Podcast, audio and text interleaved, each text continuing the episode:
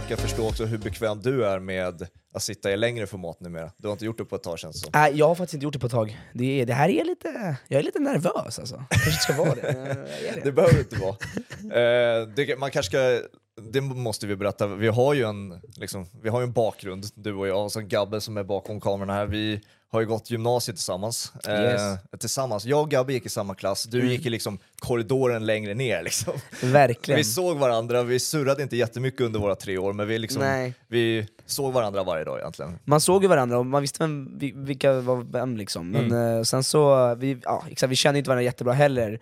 Eh, men det var ju Bromma gymnasium liksom. Det Ja, var ju gamla exakt. tider. Ja, precis. Så att vi, det finns en liten bakgrund, så det, och vi har hört av oss till varandra när det har gått lite bättre för eh, dig till exempel, har jag hört av mig. Eh, så det är kul att följa framgångarna. Eh, Tack. Det, det har varit jättekul att se. Detsamma.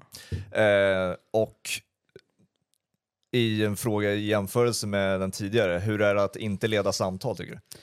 Uff, jag är inte van, och det är speciellt. för det är så här, jag brukar alltid vara den som på något sätt är, gör det du gör, och vi, vi, det vi gör då, det är alltid att man ställer frågor till andra, Ja. man är den som leder vidare, man ska föra diskussionen framåt, man ska vara den som inte Ja, men som inte liksom gör att di- diskussionen fastnar.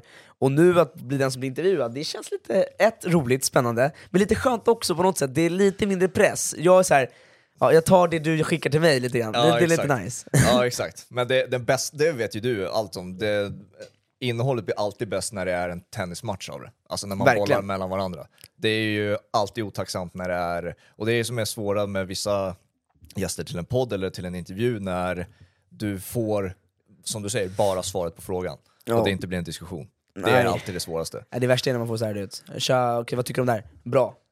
uh, det är man bara okej, Eh, alltså jag har haft, det var någon, någon gång jag, jag kommer inte säga några namn här för att det inte blir något fel, men det, är- vi, håller, vi håller lugnt, men jag menar bara så här, det, är, det är det värsta, då blir det så stelt också, då måste man, måste man bouncea back på något Mm. sätt, man måste svara, och då blir det svårt, och då är det så här, då, där, det där är lite så här, uh, intuition, lite så här, svara tillbaka, och man kanske inte alltid är förberedd, Mm. men uh, det är del av jobbet. Men också, en, där finns det ju olika sätt att tackla det på. Och du är Sant. ju mer högenergisk än vad jag är. Verkligen. Du har mer energi i din, i din eh, vad ska man säga, approach till journalistik än vad jag är. Jag är lite mer laid back, du, har, du är liksom på, det igen. Liksom. Men jag skulle säga att det är, det är det där fina också där, alltså i media också, Ja, det, det finns, finns olika liksom, nyanser i det. Ja. Jag är ju lite där TikToker,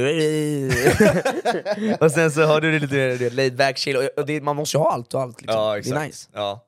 Eh, man, jag tänker att vi måste inleda också med, för de som inte har hängt med, jag, svårt att se att det är många, men det är säkert någon som inte har hängt med vad sporttouchen är. Mm. Eh, hur drog allt igång? Ja, eh, det var ju då, då alltså jag gick Bromma gymnasium medieutbildningen, och ska vara ärlig, då var jag rätt såhär, jag var alltid, jag, alltså jag menar, ni minns ju också det grabbar, jag var rätt så här liten, och jag var så här lite, inte jätte jag- Alltså, jag visste inte riktigt vad jag skulle göra, gymnasietiden, man är lite lost. Och sen så, men jag visste på något sätt att jag alltid ville, jag gillar att prata, jag gillar att synas på något sätt. Och sen så, eh, efter det så flyttade jag till Paris efter gymnasiet, direkt. Min mamma bara 'du ska till Paris och plugga' Så jag var okej, så stack till Paris, eh, pluggade treårsutbildning på franska då, som jag är halvfransk. Ja. Eh, Och så pluggade jag då på en skola som heter Studio École de France, en så här TV, radio, medieutbildning. Mm. Och det var nog de viktigaste tre åren i mitt liv tror jag. Ett, att sticka från Sverige lite grann, bekvämligheterna, där man har varit länge, kompisar, till att gå till ny mark, träffa nya människor, och så börja så här, vad vill man göra av livet? Det är ju den frågan man ställer sig efter gymnasiet. Och då blev det på något sätt naturligt att efter ett år, då lärde man sig först hur man ska, det här är jobbet, och det är ett jobb, ett yrke, hur man, man ska hantera och göra olika saker, både inom radio men också inom TV. Mm. Men efter ett och ett halvt år, då träffade jag på, eller vi känner varandra, men han är en kille som heter Charles, Charles Farro heter han. Mhm. En, eh, han som är delägare i Sportagen, eh, en fransk eh, delägare då. då. Så, och jag och han blev väldigt bra vänner först där, bara. och vi hade väldigt samma syn på vad vi trodde skulle kunna funka inom media framöver, just med de här plattformarna som tar mer och mer plats, som är så viktiga nu i dagens samhälle, just TikTok, Instagram, ja, men Youtube, det här short- shortformatet liksom. Ja. Att det skulle vara framtiden hade vi någon sorts intuition på, och det var ju redan på gång då också, man såg ju de här Charlie D'Amelio och alla de där som hade börjat ta över plattformen, och det var enorma visningar, följarantal. Och då kände man så här, ja, men jag tänkte så här. jag kände på mig att det är någonting jag kanske vill göra här, och vill lita på. Så jag och han började skissa på idéer, och då först blev det så här, vi naturligtvis bara gör det på franska, som vi var, på, vi var i Frankrike. Mm. Då hette det La Touche Sport, eh, alltså sporttouchen, Ja. fast på franska. Eh, och jag och min franska, vi gjorde det, jag var då bakom kameran, eh, filmade, redigerade, eh, och han gjorde det framför kameran. Och sen så höll vi på så i två, tre månader. Men sen till slut så kände jag, men varför gör vi inte också på sven- svenska? Alltså så här, det är bara att skicka över texterna, översätta, filma mig och göra, alltså duplicera jobbet. Och då började vi göra på svenska också. Eh, och eh, Frankrike flög på bra, men det var inte wow, för det är en tuffare marknad, det är mycket människor där, många som gör samma typ av innehåll redan, det fanns redan Okej. rätt mycket. Medan jag tror att i Sverige tror inte jag att det var riktigt eh, etablerat det här med shortformatet så här på TikTok kanske. Tycker, tycker inte vi är där än heller. liksom. Jag tror inte vi klarar det heller. Nej. Jag tror det är början fortfarande. Ja. Eh, Men jag tror inte det var, det fanns typ ingenting då, Nej. det var så helt nytt. Och då började jag göra de här videorna, och sen så, det där sportar sen, alltså det var där i skolan liksom, Mm. eh, då, för några år sedan. Vad, var, vad var analysen, för att ämnet är ju inte nischat, det är fotboll, liksom. det Nej. finns ju hur mycket innehåll och publiceringar om det som helst. Vad, hur gick analysen vad, liksom, vad som fanns när, när ni satt där och bollade idéer? Vad, liksom, vad fanns, vad fanns inte? Hur gick analysen då? Analysen kring själva, vet du, det, Det ni ville göra unikt liksom. Hur vi ska sticka, man vill ju alltid, när man gör, som i din podd, man vill ju sticka ut, man vill göra något speciellt, så något som inte finns. Ja. Jag vet inte någon podd som du har som till exempel som tar in så mycket personligheter inom tv-branschen, som, jag har ingen aning om någon som gör det faktiskt, ärligt talat. Nej, det är ju kul att höra. Nej men jag bara säger det, och, Mm. och, så här, och då, vår analys var ju så här, okej eh, jag brukar kalla mig själv för, eller mig själv, vårt bolag då, då för Nya Lilla Sportspegeln. Ja. Målet är, jag anser att när jag var liten, eh, kollade på Lilla Sportspegeln, som många gjorde, Mm. eh, och det var så här fett kul, det var reportage, det var grejer som hände. Och idag, det finns ju inte längre. Eh, Nej. SVT har inte det. Och då tänkte jag så här, men låt oss bli Nya Lilla Sportspegeln. Och det var det som var målet, att kunna inspirera ungdomar genom att göra Början var kanske var lite mer, kanske lite mer nischat innehåll från början, med lite mer historier om lite mer djupare fotbollshistorier och grejer. Och, men målet var alltid att göra snabbt innehåll, det ska gå snabbt, energiskt, mycket redigering i det. Liksom. Det ska vara tempo. Mm. Eh, Och det är det vi försökte eh, alltså, nå vidare. Liksom. Och så det var målet. Och målgruppen är ju då rätt tydlig, det är en yngre målgrupp. Det är inte äldre. Eh, och, och det har, kanske den har blivit lite äldre nu med tiden, men det är ju fortfarande det är TikTok-målgruppen. Liksom. Ja, exakt. Nej, men det, har, vad, har ni kommit fram till så här punkterna som ni vet att ni liksom träffar och var en stor anledning till varför ni slog igenom? För det är när, man, när, någonting går, när någonting är slagkraftigt vill man ju heller vill man ju också hitta de punkterna så att man inte tappar det. Mm. Så att man inte försöker förnya sig själv för snabbt heller. Så Nej. att man liksom fortsätter den uppåtgående trenden.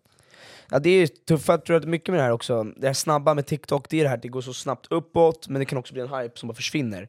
Ja. Vi vill på något sätt etablera oss, Eh, jag, vi försöker göra det, jag tror vi är på väg att göra det, men det är, inte, det är, det är ett maraton, man kan inte tro att allt, inte, allt handlar bara inte om att göra en snabb grej, det, att- det är på ett sikt på längden vi vill jobba. Eh, och, och, och för att uppnå dit tror jag det är väl att hitta consistency, det är att hitta team, nu är vi fler som jobbar inom sportartsen, det är inte bara jag, det är inte bara Charles, det är flera andra vi har. Eh, Vi har folk som hjälper oss med sponsorer, vi har folk som hjälper oss med innehåll, folk som hjälper mig med campet som är lanserat. Så det liksom, blir en helt business av det. Men samtidigt så tror jag jag och Charles vi fokuserar mest på innehållet. Och tror att, och så länge du producerar innehåll som du är stolt över, att du innoverar också ditt innehåll till att göra det bättre hela tiden. Och det, det är klart det finns gränser, och det är klart det finns liksom, till slut kanske man inte kan hela tiden innovera. Nej. Men jag tror inte ska fast... jag, jag har någon sorts personlig rädsla av att alltid fastna Jag gillar inte att fastna i det här bekväma till att jag är nöjd. Jag, vill, jag vill aldrig vara nöjd. Jag vill fortsätta grinda och nå högre. Uh, Och sen kanske det finns gränser, det är klart svensk marknad inom idrott, det är klart du inte kan nå hur högt som helst och liksom så, Nej, men nej. målet är alltid att förnya sig själv, och det är liksom mitt, jag har alltid det mindset, jag vill alltid förnya mig själv. När jag, när jag gör nya format, min TikTok, alltid försöka göra nytt, liksom. Mm. något fräscht som jag tror inte har setts innan. Sen såklart har det alltid funnits inspirationer, men det är liksom Ja, målet. Man ska inte underskatta värdet heller av att publicera och göra sitt eget heller. Nej. Det, lärdomarna kan vara både dels avgörande såklart, men alltså oändliga på många sätt också. Mm. Vilka hade varit dina skulle du säga? Oh, alltså... Bra fråga. Den är, alltså, lärdomarna som jag har tagit liksom för att alltså, göra själv, jag tror att så här, det handlar om en kombo mycket, speciellt med TikTok, vår marknad, det är, så här, det är en kombo av att ta med folk som är relevanta, Mm. men också skapa innehåll som, där man själv gör någonting nytt och fräscht.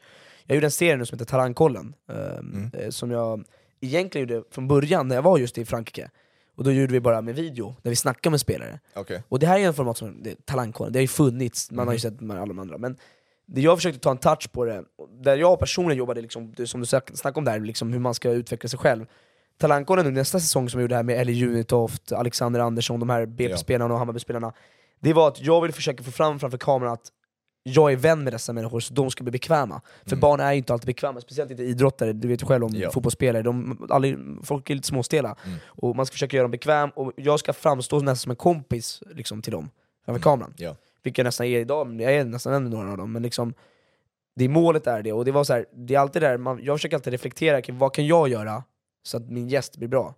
Och sen kan man alltid göra sitt egna innehåll bättre. Mm. Eh, Och jag känner själv att jag liksom, jag tror jag bara i början av att jag vill göra någonting bättre av sporttouchen. Jag tror inte vi alls är på vår maxkapacitet. Liksom. Nej, jag tror det, det är ju också livsfarligt om man tycker att man redan är där. Liksom. Nej, det aldrig. Det, Långt ifrån. ja, alltså det är, att hitta sätt att bli bättre är svårt inom journalistik också. Verkligen. Eftersom att, eh, inom, speciellt eh, de som är eh, så förnyande och bryter mark, det finns ingen, inte många, framförallt inom, inom Sverige, där det finns att ta inspiration från.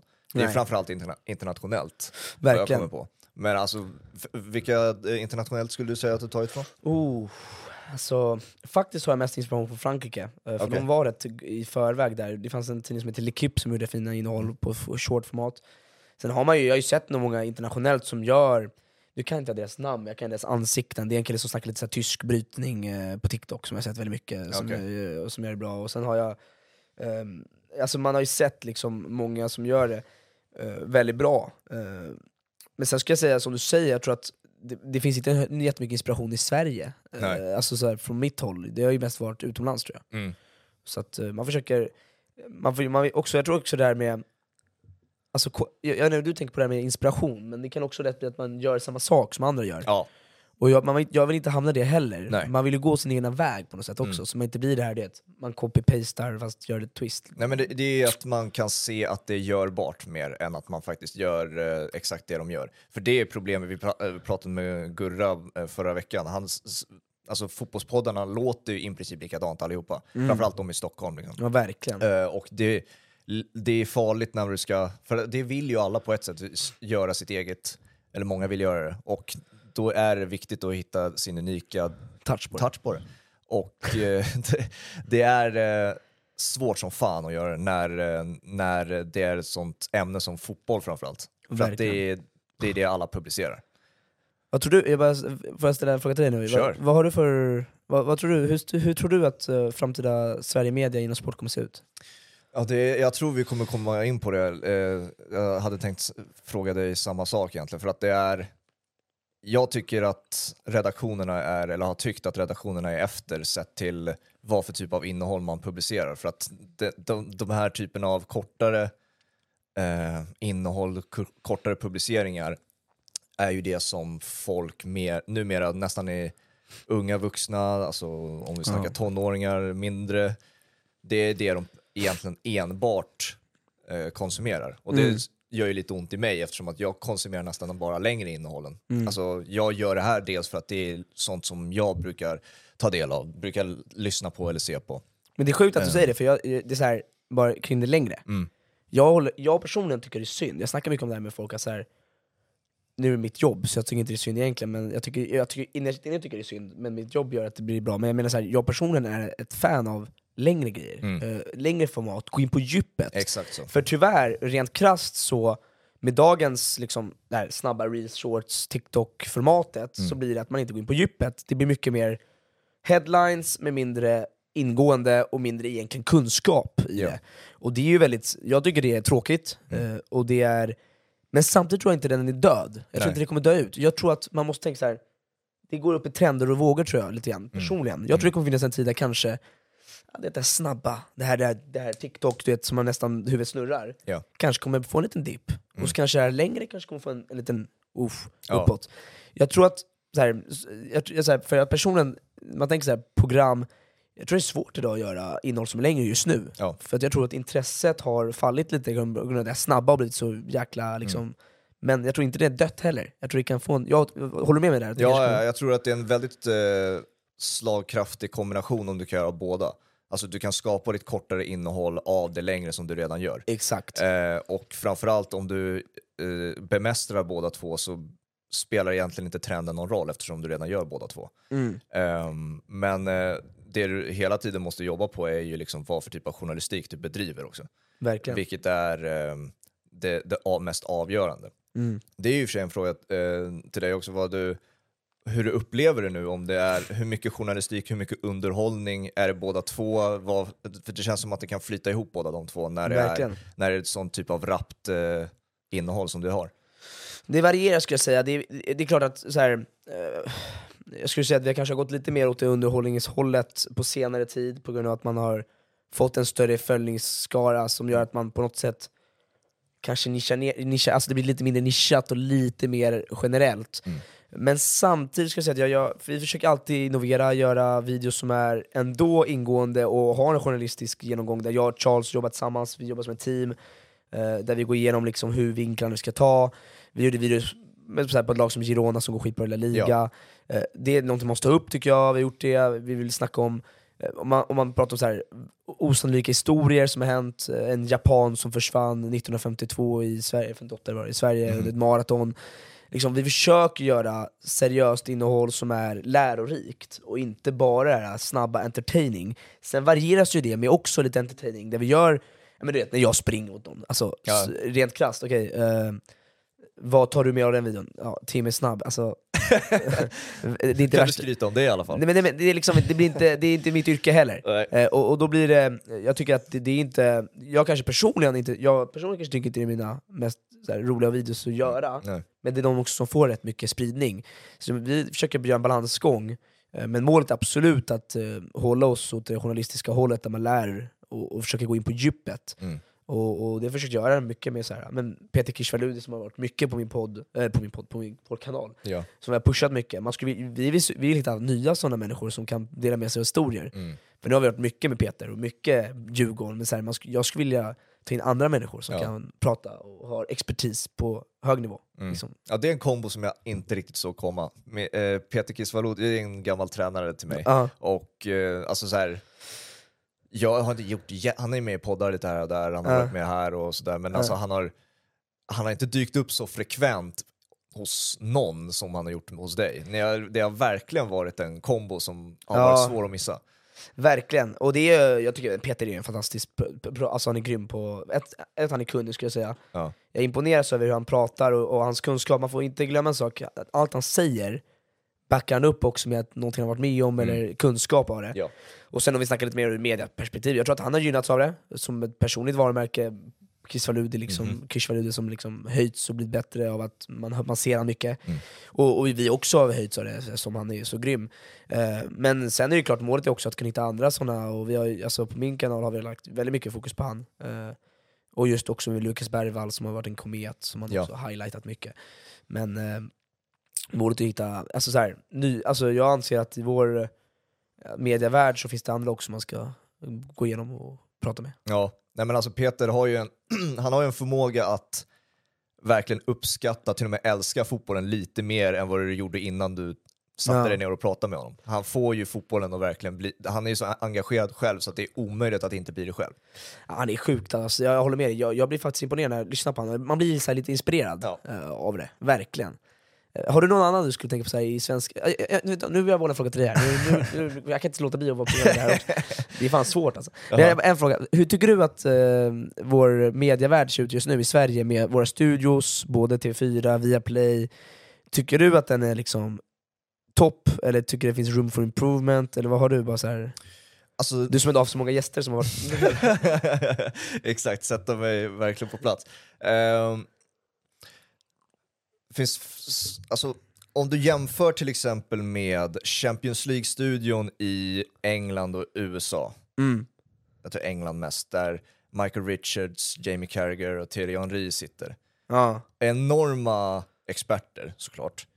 Men innehållet där, det är mer som att det är två, tre stycken polare som sitter och skrattar och Det är mer entertaining-hållet, Ja, 100%. Och jag tycker det är skit. Alltså, Du gillar inte det, Jag, alltså inte när det ska vara, det jag är intresserad av Thierry Henry att prata om, det är inte... Nej det är inte den här garvar med Michael Richards Nej, jag bryr mig inte ett piss om vad Michael Richards... Jag tycker inte han ska sitta där tillsammans med Thierry Henry först och främst. Ooh. Men... eh, Jag gillar den här point of view, alltså, jag håller inte, alltså, nu ska jag snacka för mycket. Jag håller inte riktigt med dig, vad jag? Nej, jag, Men- underhållningen och eh, alltså, innehållet är ju... Alltså, jag, jag hade uppskattat om, du, om de satt och pratade utifrån deras personliga perspektiv och deras en, egna erfarenheter och berättade om Mm. alltså, varför eh, Champions League-matcherna utspelar sig som de gör, för att de har upplevt det. Ja, lite mer detaljer och Exakt. lite mer innehåll. Det ja. uppskattar jag eftersom att det är den typen av eh, fotbollssnack som jag alltid har konsumerat och tycker är bäst. Mm. Eh, och jag tycker det är närmare i de eh, svenska studierna som vi har nu Mm. eh, än vad de har eh, i sin Champions League-studio i England. Okej. Eh, så att eh, Ja, jag, jag,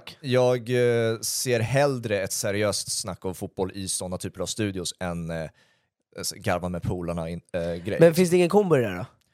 kan det absolut finnas. För jag säger såhär, det de har gjort ändå, cred till dem, Mm. publik. Absolut. Det är, Räckvidd. Vår sport är en sport där vi måste nå folk. Mm. De når väldigt många människor och har gjort så många garvat. Jag ser, ja, den rutin jag sett på deras youtube-videos och allting, Mm. det är bara du vet, oh, alltså this studio is too fun, alltså det är, så här, det är för bra. Mm. Tror inte du vi ibland i Sverige skulle kanske behöva lite pincha upp och få lite mer, kanske Jo. något lite mer nytt fräscht, men samtidigt ha kvar det här äh, innehålls... Eh, Jag tror jag, en, jag tror jag är en dinosaurie när det kommer till det där. Alltså att, att jag vill ha den där seriösa delen av det är nog en minoritet. Alltså jag tror inte jag tillhör stora massan. Jag tror inte Eh, det, jag, jag, jag har inte riktigt koll faktiskt, men det kan nog... Jag tror det varierar, jag, tror, jag håller med, jag tror det finns lite, men jag tror en större del som kanske vill ha det här lite roligare, Mm. men samtidigt tror jag det finns ändå en stark publik. Man, jag tänker så här, jag älskade ju liksom Ola, Erik Niva, studion i Viaplay, Ja. liksom Champions League-tiderna. För mig var det bara fantastiskt. Ja. Eh, jag tror det är fortfarande många som saknar den tiden. Jag tror att det är väl där jag har fått det ifrån också. Alltså Mm. den, av den anledningen till varför jag vill se det. Eh, för att de, de var så jävla bra. De, som- de eh, pratade om det relevanta, de kunde analysera, de, eh, liksom, allting flöt på jävligt bra i så många år där. ja. Eh, och det är, ju- det är liksom det som har inspirerat och fortsätter liksom eh, det är det man försöker uppnå i dagens studios också. Och jag Mm. tycker inte det är något dåligt för, för det. Liksom. Nej. Men jag tycker dock inte de lyckas eh, riktigt nå den känslan, sen kanske vi har växt och blivit äldre, men när jag var liten och kollade på Viaplay Champions League-studion, på Mm. liksom, man kollar på Erik Niva och, och grabbarna, Mm. eh, alltså det var ju topp alltså. Det Ja. var ju verkligen, man bara, du vet, man var ju liten och man bara drömde om att bli proffs, ett proffs, två liksom, liksom man ville vara där. Mm. Eh, de var ju så grymma, och han, hur de pratade med varandra, och det var, där var Lasse Lagerbäck med plötsligt, sen var det någon annan, liksom, Ja, det, var liksom, exakt. det var grymt liksom. Mm. det var eh, bra Det, flow. det blir intressant att se var Champions League-rättigheterna hamnar någonstans nu. För att det, det ja, är ju. Simors sista säsong det här, så att, eh, vi får se om det fortsätter i Simor eller om det blir en ny studio. Är det inte dags för spelet utan boll att köpa rättigheter? Ja, den studion hade ju varit spännande att se. Verkligen. Alla från Bromma gymnasium dyker upp eller någonting. Medellinjen. ja, exakt. Ehm, om vi går tillbaka till eh, ditt typ av innehåll förresten. Ja. Ehm, vad, det här och den här relativt nya vågen av content. Ja. Har du liksom insett nu också vad som sticker ut just med dig, personligheten du? Inte bara i, alltså innehållet som du producerar, utan vad... För att det är, ju- du är ju ansiktet utåt för någonting som är framgångsrikt. Och det betyder ju att det är någonting som dras åt ditt håll då också. Ja, jag uppskattar eh, lovorden, men alltså jag är fan dålig. Jag tänker på det, jag är inte bra på att liksom hitta det som är bra. Jag är dålig på att ge mig faktiskt positiv feedback. Och jag är dålig på att ta emot också komplimanger. Jag är, det är Jag är, måste, jag är likadan. jag måste utveckla den delen, jag vet inte varför jag är dålig, jag är riktigt dålig på det. Ja. Men det jag har fått höra då, då och det jag kanske kan... Jag försöker alltid, alltså, alltså glad, eh, positiv, Mhm. liksom, det är alltid det som är första approachen. Vän, jag vill också bli någon sorts kompis till de som kollar. Mm. Eh, det är mitt mål alltid. Liksom. Men det är liksom nästan sån här storebror som bara håller på att göra innehåll och som bara, "Ja, jag gillar han, ja, han håller på med bra grejer. Mm. Sen så vet jag inte var, varför, jag, kanske, jag, har mitt, jag har mittbena också. är, det, är det sporttouchens emblem? Det, det är fan folk Eller är det mustasch? Man tror att det är mustasch eller mitt, mitt, mittbena, det som roliga är Charles, han, delägaren, han, har, han har mustasch och jag har mittbena. Ah, okej. Så att det är en, eh, nej men det, det ska nog representera mittbena faktiskt den där, men den är lite mustaschig. Alltså. Ja, jag trodde först att det var mustasch när jag såg den. Men... Ja, jag får skaffa mustasch. ja, exakt. Ehm, ja, det, det här med att vara polare till, det är också någonting mer för det, det har ju varit klassiskt svenskt journalistiskt att du ska gärna inte vara vän med den du intervjuar och sånt där. Nej, Eh, eller vänlig överhuvudtaget. Har nej det- neutral liksom. Ja, exakt. Och det har ju varit eh, någonting som, jag vet inte om du vet vem eh, underhållningsjournalisten Ali Plum är i BBC eh, Radio. Oh, Ett. har inte hört. Det är han som intervjuar alla stora skådespelare inför det, när de är på sina media tours och pro- producer- eller, eh, ska göra reklam för sina nya filmer. Okej. Jag kan visa dig videos Jag kan känna igen honom, jag känner- eh, säkert igen, känner säkert igen honom när Okej. du ser honom. Han har ju den liksom effekten på folk att du är min polare. Och Mm. att jag tror alla har hans nummer, jag tror, alltså det är den här Ja. typen av är. Eh, liksom, och det får ehm, de här typen av superstjärnorna som i vanliga fall aldrig svarar på frågor på ett roligt sätt. dem- Onåbara, liksom. Ja. nå- når in på dem. Ja, Liksom. då, då, han får dem att öppna upp sig på ett annat sätt. Mm. Just av den anledningen är min liksom, hobbyanalys av det, men jag tror att det ligger någonting i det. Mm. Eh, att det är, och de säger ju hela tiden alltså att det liksom det, det här är den, alltid den intervjun jag ser fram emot varje gång jag åker till England och ska Ja, liksom. Han- eh, promota min film. Liksom. Mm. Så att det, jag tror det, det finns någonting i det där också, men det, det är som sagt, och det kan vi ju komma in på, det känns ju klassiskt svenskt mediakultur att liksom se ner på den typen av eh, med. journalistik och den här nya vågen som kommer också för den delen. Mm. Nej, men det alltså, som du säger, jag tycker vi, Sverige är lite kallt land av sig allmänt, bara med alla, det, man går in på Coop så håller man ju avstånd till folk, man har hörlurar på sig, man vill inte bli störd, man åker taxi, man ska inte börja snacka med taxiföraren, åker du till Italien eller Frankrike, då snackar du med taxiföraren. Have you had a good day today? Alltså, du vet, man börjar, vi är ju lite kalla av oss, och vi är lite, det är kanske lite nordiskt uh, vikingastil av oss, men eh, om man säger så här, eh, jag tror att det finns lite, eh, alltså, som du säger, det är en ny våg. Ja, det, här med att det du sa om den här killen här, som jag kanske vet om det är, men jag har förmodligen hört om honom. Det är ju lite det jag vill uppnå också, att på något sätt man vill få ut sidor av de här atleterna, de här människorna som är onåbara, Mm. som man inte har sett innan. Ja. Eh, och, och det är liksom, jag tror att det finns positiva grejer i det, sen finns det också nackdelar i det. Det är det här att du måste på något sätt ha kvar det här journalistiska i dig, Ja, exakt. och inte bara bli köpt kompis med Mm. dem.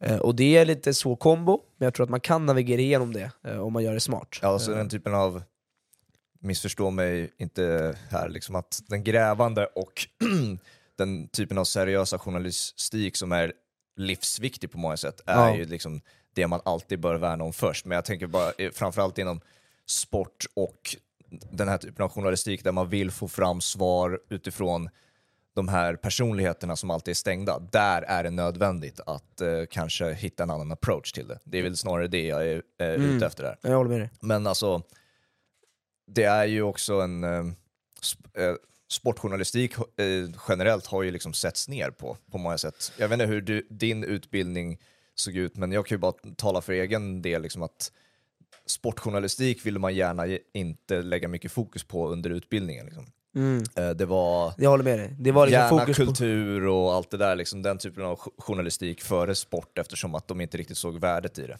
Eller kunde ta det Det är seriöst. sant, när du säger det, jag håller faktiskt med dig. Alltså det, det, är, det var så också hos mig eh, i Frankrike där. Mm. Men jag vet inte varför det är så, men det kanske är för att det känns som alla vill, sport är lite där, det, är det alla vill på något sätt. Ja. När man går på en mediaskola, eller på medieutbildning eller universitet. Det där, stor, hur stor är gruppen för sport? De som blir sportjournalister, den är stor. Mm. De som vill bli politik eller utri, utri, utrikeskorrespondenter, den är liksom, det är tre pers. Ja. Eh, och och varför, varför då, som du säger, de pushar ju alla de här lärarna, eller lärarna, de här människorna som lär oss då, då till att, men lite mer, ja, nyheten är viktiga, ja, men, eh, politik, kulturen, Mm. det är viktigt, ja, sport, ta någon snabb grej där. Alltså, Mm. Och jag vet inte varför det är så, eh, men det är lite så, och det är kanske därför också mycket, jag tror många idag också inte är utbildade, eh, som gör innehåll, och, och det tror jag är problematiskt. Det är ju när sociala medier och content, eh, alltså vad ska man säga, slås ihop tillsammans med journalistiken och det blir en gråzon av det hela.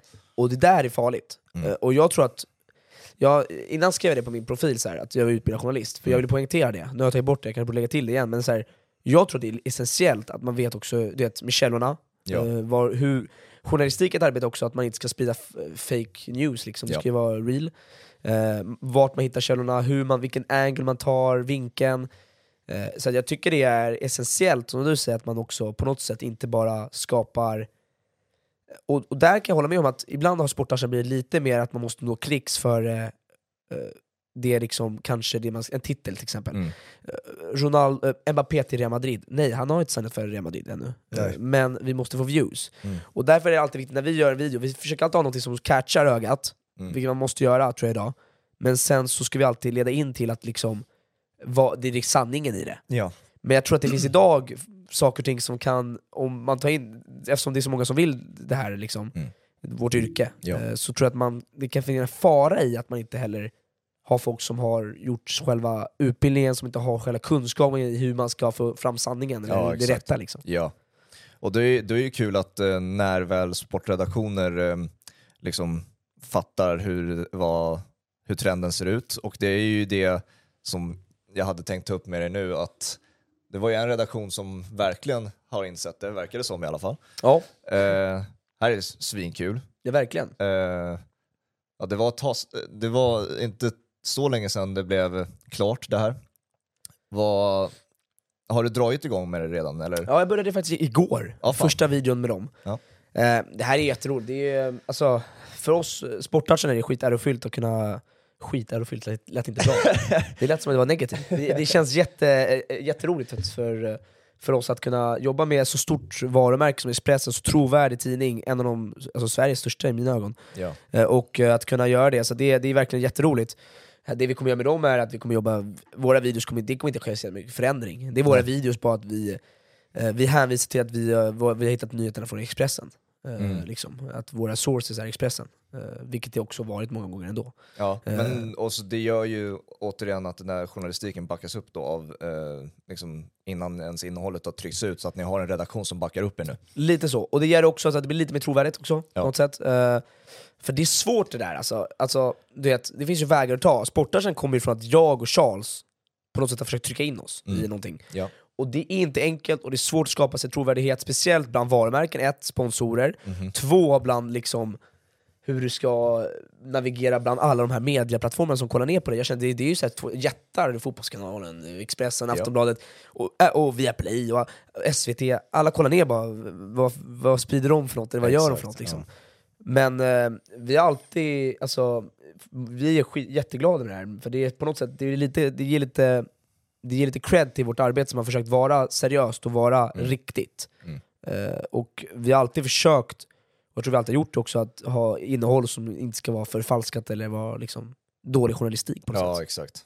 Trist i och för sig att Expressen inte har Liga Ö längre, och du som halvfransk som... Du, alltså, du säger det, det är sjukt alltså. Jag snackade med en kille vi jobbar med, Daniel, han sa så här för ett år sedan bara Tim jag ska snacka med Expressen, du kanske kan börja kommentera ligamatchen? Jag bara fan, eller hur va? Så jag är inte där ännu, jag är på en utvecklingskurva, försöker jobba framåt. Så bara, och sen så, nu är det här, och så kom, kolla upp ligan, och så bara nej de har inte rättigheten längre. Jag Nej, det är ingen som har rättigheterna till den längre. Varför har man, ingen vill ha det? Det är ju för dyrt. Dyr, jag tror en dyr, dyr peng för väldigt lite liksom, Dyr peng för en, ett lag. Ja men exakt så. Det, är så här, det har väldigt lite att erbjuda just nu, vilket kanske suger för dig som halvfransk. Det, det kom väl ut i, om vi har, det har den här artikeln, det var, det var väl nu den här, ja i Är, somras, är, är vi ute, ute för topp 5-ligan? ja, det, kom, det blev klart i somras av Uefa att uh, Liga är inte en topp 5-liga längre. Jag- Nu ska jag säga så här. jag tycker, att, jag tycker absolut nu att det är för mycket hat från Sverige på ligan. Nu säger jag det! Lyssna nu, och du kanske är bland dem Fabian här, jag tycker att det är för mycket hat. Det är inte en sån dålig liga. Nej. Det är, en, det är absolut inte Premier League, det är absolut inte... Vad har vi för två eller tre i... i, I La Liga, Serie A, jag vet inte vem som tog plats, om det var Holland eller Port Portugal, som, Portugal tog. Portugal som tog eh. Sorry, men Portugal är inte bättre liga än ligan. Alltså du har ju Porto, du har ehm, eh, Benfica, Braga eh, i Europa ständigt då. Eh, så finns det väl någon till som jag glömmer bort nu. Eh, ben, eh, Sporting Lissabon såklart med Gyökeres nu. Alltså det är de det är en bra liga, men de jag är lite mer slagkraftiga i Europa än vad franska lagen är, för där är det ju enbart PSG. Förutom om du vill se... Marseille går ju ändå okej, eh, alltså, om man säger så. Och, Mm. jag, jag håller med dig, det, Och Lyon gick bra i Champions League eh, 2020 innan det gick käpprätt åt helvete neråt som inåt. Men eh, okej, jag säger bara såhär, för jag, nu kanske, det är klart, alltså, ligan är inte, det är ju, det, om det är i topp 5-ligan så är de femma. Men Ja. jag säger bara, jag tycker att hatet har blivit lite för stort. För jag vet att det finns bra fotboll, Mm. eh, och det finns bra nivå. Eh, De, alltså, man hör folk i Sverige, de tror nästan de skulle platsa i Reims till exempel. Ja. Sorry hörru, men alltså det är att Det Reims piskar vilket lag i Sverige med 8-0 kanske. Mhm. Alltså förmodligen. Ja. Så här, jag menar bara, man får ha lite, lite lugn och, och liksom, det är franska jag här som pratar, men jag känner lite mycket hat. Men samtidigt så, franska ligans problem är ju absolut det här med andra klubbar, det är ju Ja. att det finns ett stort lag, sen har du massa lag som inte lyckas utveckla framåt. Mm. Har du varit i, på Parc des Princes? Verkligen, det har jag varit. När jag bodde där under tre år när jag pluggade, då gick jag dit rätt ofta. Ja. Jag tog mina CSN-pengar och bara, fan jag vill bara gå, för jag är ett stort PSG-fan faktiskt. Okej. Eh, kollar på många, alla våra matcher. Var du innan pengarna kom? Faktiskt, jag Okej. var eh, innan, jag har- var under, det, nu låter det, det var två år innan Zlatan kom då, då. Ja. När det var Nené, Waro, eh, Lu- alltså Ludvig Juliui, det var så här fina spelare Ja. som var innan pengarna hade kommit in. Mm. Det var precis innan Pastore kom, Eh, så det var jag var faktiskt varit fan innan det, för vid mitt lag där jag spelade, jag spelade själv fotboll i Paris, Ja. eh, då var det US Parisien, vi gick och träffade vi fick gå och träffa A-laget, så här, Mm. som besök typ. Eh, Så då blev jag fan i liksom, Okej. PSG då. Eh, Och sen dess har det bara suttit i mig liksom. Men ah, det- var ju precis innan pengarna kom tror jag från Qatar. Eh, Och då, hur påverkade ditt supporterskap då? då? det är ju så här positivt och negativt. Positivt är att vi har blivit ett bättre lag, mycket mer slagkraftigt ändå, till och med om det har varit otroligt, alltså, det, är, det är inte kul att vara PSG-fan. Inte när Champions League-åttondelarna börjar. Nej men du förstår exakt hur det är, alltså, det, är det här är ett jävla helvete.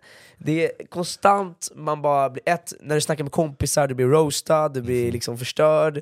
Eh, det två är att PSG som lag tycker jag är, är som klubb, har skötts dåligt på alla möjliga sätt. Och då ibland tänker jag så här, hade det inte varit skönare att inte ha de här pengarna och bara rulla på som ett vanligt, med typ Sporting Lisbon-aura? Det, Det är ju det Ultras vill ju, väl? Ultras vill det, Ja. Eh, och det har ju skötts dåligt. Och det är så här, Nasser El-Khelaifi har, har mycket vilja, han pumpar in pengar, men gör vi rätt? Nej.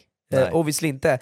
Mbappé nu, en till saga här igen. Det känns som det är åttonde året, snubben kommer bli 26 år snart. Bara på fortsätta. minds think alike, jag har den artikeln här. Ja du ser alltså, du, du är förberedd Fabian. alltså, Real Madrid försöker värva killen Mbappé. Ja.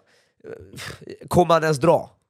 Antagligen inte, för att det, det är samma story nu varje vinter. En Paypal, det är lite så, han, pengarna ligger där. Jag börjar bli trött på honom alltså. Han börjar bli den där storspelaren som en, måste vara den enda nu i världsfotbollen som enbart kör med ett ettårskontrakt. För att det kommer ju vara så här hela... Real Madrid kommer vilja köpa honom som bossman, Mbappé förlänger med ett år, sen bara fortsätter det så tills han är 36. Han måste ju sticka i sommar, annars tappar han all trovärdighet. Ja, men Det alltså, här är ju sista året han kan göra så här. Eller? Nej, jag är ju så PSG-fan, jag vill att Mbappé drar. jo, För jag älskar fotbollsspelaren. Men vet vad som, han förstör både, jag hoppas du har samma syn på den Mhm. punkten, men jag tycker att hans, man, man tittar ner på honom mindre nu, man tycker så här. Mbappé blir lite mer pengarkille, för han är en fantastisk fotbollsspelare, kolla bara VM, alltså Mm. Ja. så här, wow. Men jag skulle vilja att han drar till Real Madrid och visar sig där. Ja, jag tycker han är... Eller nej, Jude Bellingham är världens bästa fotbollsspelare just nu, men han är solklar två, tycker jag. Ja, ja. Eh, Bättre än Haaland. Han är en bättre fotbollsspelare än Haaland, men Haaland Tack. skulle ha vunnit Ballon d'Or.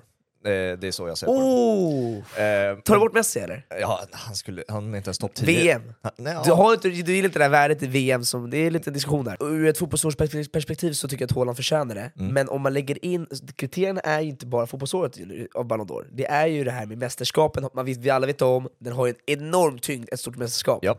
Och tyngden VM hade, vem presterade bäst där? Förutom Mbappé? Ja, jag skulle säga Messi. Mbappé, men Messi är absolut eh, såklart två. Eh, Och- och och det är ju hans, det är hans VM och man blev glad för Messi skulle att han vann, men han är inte, han är inte Ballon d'Or bra, han är inte världens bästa fotbollsspelare. Nej, det det, är alltså- bara, det är väl bara det jag... Nej, jag gillar diskussionen, det här är fan en debatt som aldrig tar slut, för det är Nej, så här, jag, jag håller med dig. Jag håller med dig, jag tycker Haaland, om man kollar så här, på ett år, Mm. fotbollsspelare, vem är bäst just nu? Förra året var Haaland, Mm. utan tvekan. Mm. Han krossade hela Premier League. Men Messi vann på, dessutom lite jobbigt också, han vann ju på ett VM som var i december. Det- 2022. Ja, det, det. Eh, och det är också fel, varför blev det så för? Han ska egentligen vinna, eller hur? Varför blev det så för? Varför har de inte Ballon d'Or i Ja, januari? men sen om du, vi snackar titlar, Haaland vann trippen. Är inte det slagkraftigare? Ja, ah, Nej, det- jag ja, vet fan nej, det är fan inte slagkraftigt. det alltså. Det är inte Eh, slagkraftigare än VM. Nej det är det inte, men eh, det är slagkraftigt i alla fall. Men eh, ja, skitsamma. Det är Vi behöver inte gå in på det för mycket. Nej, det är bara att eh, om vi, man ska se på världens bästa fotbollsspelare, liksom, då är Mbappé där bland dem och man börjar, eller börjar, jag har tappat tålamodet. Eh, Oh, jag håller med med, eh, med, jag tror att PSG-projektet eh, mer än någon, något av de, alla de här aspekterna behöver liksom förnya sig från en Mbappé också. 100%. Eh, Jag tror att... Jag tror eh, PSG hade mått bra att Mbappé stack. Exakt så. Eh, Eh, Mbappé behöver dra från PSG för att PSG ska bli bättre tror jag. Sen så tror jag att Real Madrid och Ancelotti, ehm, Behöver de alltså kombinationen är, eh, det vet jag fan, möjligen för att vinna en Champions League igen, men eh, att jag tror att det är en av få lag och få kombinationer där Mbappé hade funkat. Han hade inte funkat i ett City med Pep, han hade inte funkat i, säg en annan klubb, Bayern München. Jag tror att an- man management av eh, Ancelotti tillsammans med stora klubben Real Madrid är få av platserna han faktiskt hade kunnat prestera som han kan göra. Ja, jag håller med. Ja, jag, jag tror också det. Uh, det, är, det är en intressant fråga, Mbappé-frågan. Alltså, jag är lite så här, jag tror att för hans skull också, eh, han hade potentialen att kunna bli en stor, stor spelare. Och han är fortfarande, han kommer bli en legend. För att han, det är bara kolla hur många mål han gjort i VM på två VM. Liksom. Ja. Men jag tror att han förstör lite för sin karriär. Mm. Men dock, i dagens samhälle och dagens fotboll, är ens det där med legacy, det där med karriär ens viktigt för dagens fotbollsspelare? Det undrar jag ibland. Eh, Jag undrar om inte spelarna heller vill pengar. Och... Det beror på vem du är, men eh, alltså för en Mbappé så han börjar ju liksom, ger det något år till i PSG, då har den legacy-snacket i alla fall lämnat honom. Är, Eller hur? Det ja, måste ha gjort. Ja. Det han är för har... många år då i PSG. Det är. Ja, och- Han ska bara vara där i tre liksom. Det är Ja, men exakt. Och han, han ska liksom... Eh, han ska uppnå så pass mycket mer i andra klubbar också för att liksom kunna nå upp till nivåerna som de här spelarna han jämförs med. Liksom, han måste komma upp i den... Eh, Hur uttalar du hans namn? Mbappé. Ja, bra. Ja just det, jag vet, jag vet ju att det är en diskussion du... Vem är det du och... Dusan. Ja just det, så är det. Har du träffat honom? Nej, det har jag inte, men... Eh, Han är lång. Jag, jag såg honom på, jag på JVM häromdagen. Okej. Det, jag bara, det, jag bara uff, tänk om han är arg på mig. När drog den där feuden igång? Eller jag vet om man det, ska... var, typ- det var typ ett, var det, ett år sedan, eh, lite mer. Och att det är enbart snack då om att ni inte kan uttala Mbappé rätt. Det roliga är att, så här, kan du lite inside information här för spelet utan boll. Mbappé, han har inte helt fel. Nu säger jag det. Okej. Han har inte helt fel. Men han har fel. Han säger, man uttalar, Mbappé är fransk. Mm. På pappret är han fransk nationalitet. På franska säger man Mbappé, Kylian Mbappé. Ja. Fast, han har ju rötter från Kamerun. Ja. Och i Kamerun säger man faktiskt, M blir så här lite uppätet på något sätt, så blir det så här Mbappé. Mba- Ja. Mbappé, det fattar du så här, Ja. snabbt. Så hans poäng är helt fel. Fast man måste utgå från sin nationalitet, inte sina rötter. Ja. Så att han, uh, förstår du, det var lite Ut, så här, uttal är ju alltid så jävla, Det är jävla känsligt. Det är känsligt för många, men det är få saker jag bryr mig om. Eh, Det är ju också för att jag inte kan uttala vissa namn, så att det är av den anledningen som jag, att jag, har valt att släppa det. ja, Men ehm, ja, det, det är känsligt för, för några stycken. Det är. Vilka, om du ser framåt, vilka, är, ehm, vad vill du mer hitta på? För att just nu är det ju, det har blivit så i alla fall, att det har blivit väldigt Djurgården-laddat. Verkligen. Eh, känns som att många kan missuppfatta det som en Djurgården-supporter av den anledningen. 100% också. Eh, ja. Och så- Det är problematiskt alltså. Det är, det, det är lite problematiskt, för jag, jag är, så här, ett, jag är jättetacksam för Djurgården. Mm. De öppnar upp dörren till mig på ett fantastiskt sätt. Eh, vilket är inte så solklart ändå, det är en allsvensk klubb att börja öppna upp för någon liksom, sociala medier-kille. Liksom. Ja. Men eh, mål, eh, förstå mig rätt, jag hejar inte på något lag i Allsvenskan. Och då menar jag allvarligt, Mm. jag gör inte det. Jag sa det i Fotbollsmorgon också, så här, jag är inte ett så här, fan av något, lag i Allsvenskan. Jag hejar på PSG, halvfransk. Jag har aldrig fastnat för något lag. Det enda laget jag fastnade för faktiskt, det var Häcken med Waris Majid. På, eh, det var några, så här, något år där jag var, när jag var liten, gillade Okej. dem. Och då så här, om man kollar bara på Allsvenskan, det har ju blivit väldigt mycket Djurgården, för jag har gjort mycket med Djurgården och Mm. fått bra kontakter där. Målet är ju såklart att utveckla och göra lite mer, kanske med få kontakter kanske inom andra lag i Allsvenskan, AIK, Hammarby, eller Malmö, andra liksom klubbar. Mm. Och det vill jag göra, det är ett av mina mål under 2024, att bli liksom mindre associerad till, med fortsatt bra kontakt med, men liksom mindre associerad till att bli sportarsena i Djurgården. Liksom. Alltså, Mm. här, det vill man inte vara 100%. Fast Djurgården vill säkert att du fortsätter också. Det kommer ju vara... Det, så är det också. De drar och ringer på rätt sätt. ja men alltså att... Du, du var inne på det med Peter, men alltså deras Djurgården som varumärke gynnas ju av ju fler ögon som riktas mot dem.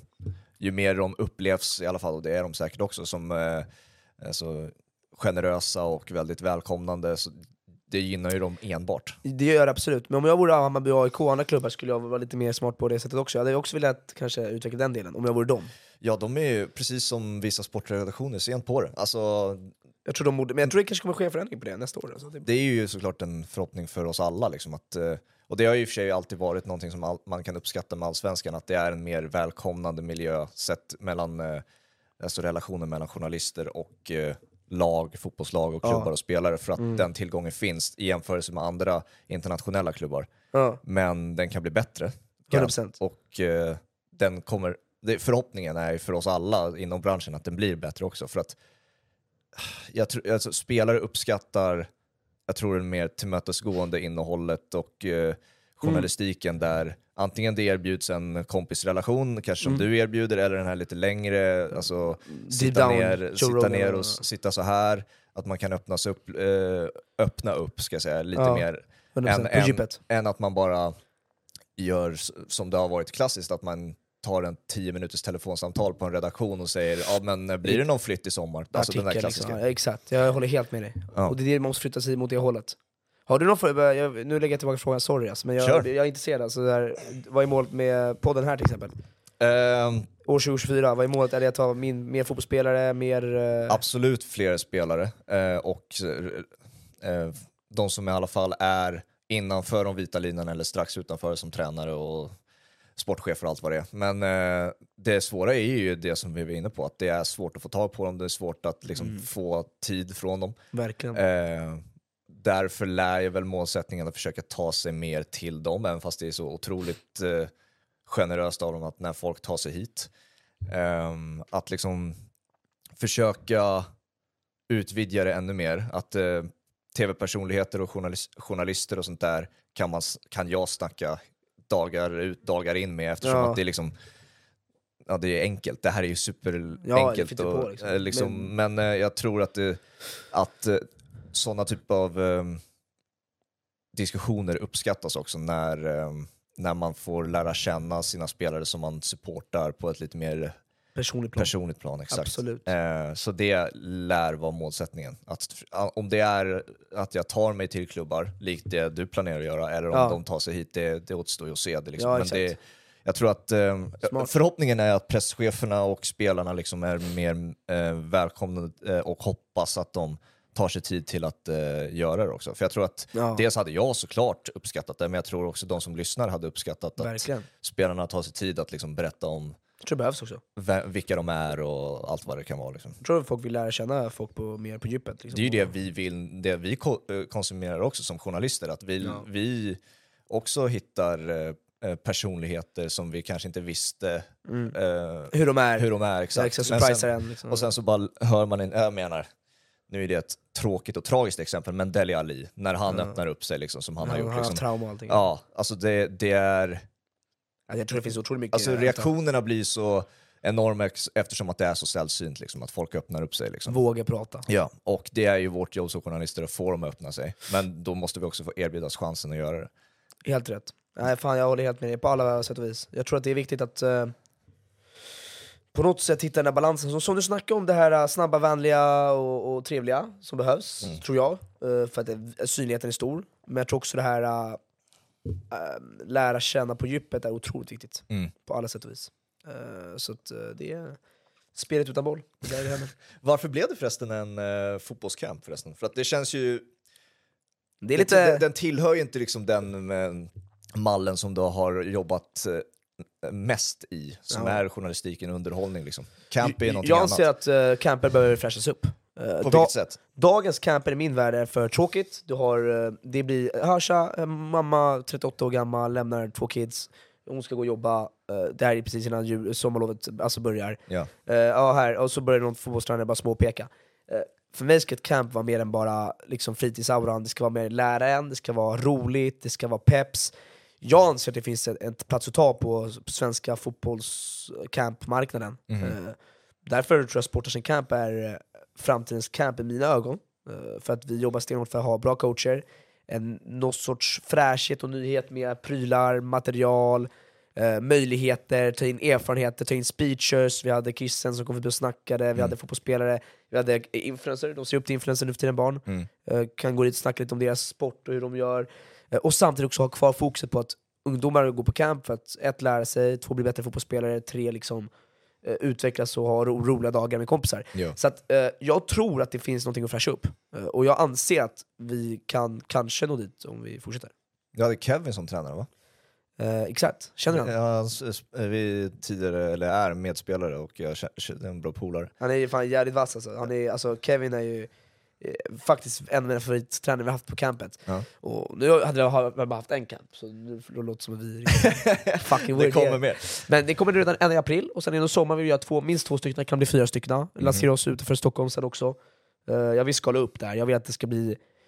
Alltså det finns så mycket möjligheter i camp. Det- Jag gör inte det här, ska jag helt ärligt säga, pengarna nej, eh, det blir inte jättemycket pengar. Vi Nej. investerar otroligt mycket på ett camp vi säljer.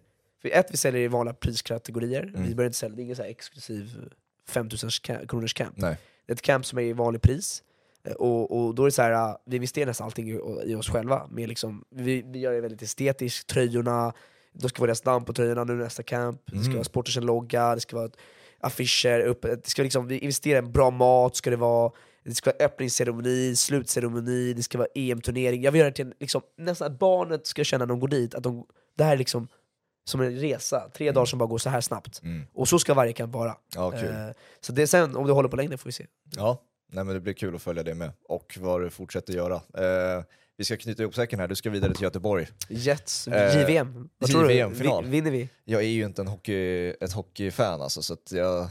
Du höjer på Sverige i alla fall. Heja Sverige, säger jag. Eh, hoppas att de vinner. Nej, jag måste bara säga så här, fan, tack så jättemycket för att komma hit, alltså, det är liksom sjukt roligt att se, jag, jag fick öga för podd direkt, som jag, vi känner varandra lite vagt innan eh, i Bromma, Mm. så, så fick jag snabbt ögat bara, bara hur proffsigt det ser ut att vara, liksom. och jag tycker det är kul att se att det går att göra så här bra som ensamstående, Eh, och det är bara imponerande, bara go for it, Ja, stort tack du. Och detsamma. Vi följer varandras eh, resa. resa nu, journalistresa genom åren. Det, det blir kul att se tillbaka på den här tiden tror jag och sen Verkligen. om flera år framåt sen hur, Det är målsättningen. liksom vad, vad vi lyckades göra på egen hand och sen var det landar någonstans. Det, det blir sjukt spännande att se. Ja, jag håller med dig. Det, och eh, du är såklart bjuden tillbaka när du har tid. Så, Verkligen. så fortsätter vi eh, träffas och eh, se till att eh, vi följer varandras resa på nära håll också. Eh, stort tack för att du kommer. Tack så mycket. Eh, stort tack för alla som har lyssnat. Vi ses snart igen. Ciao. Ciao!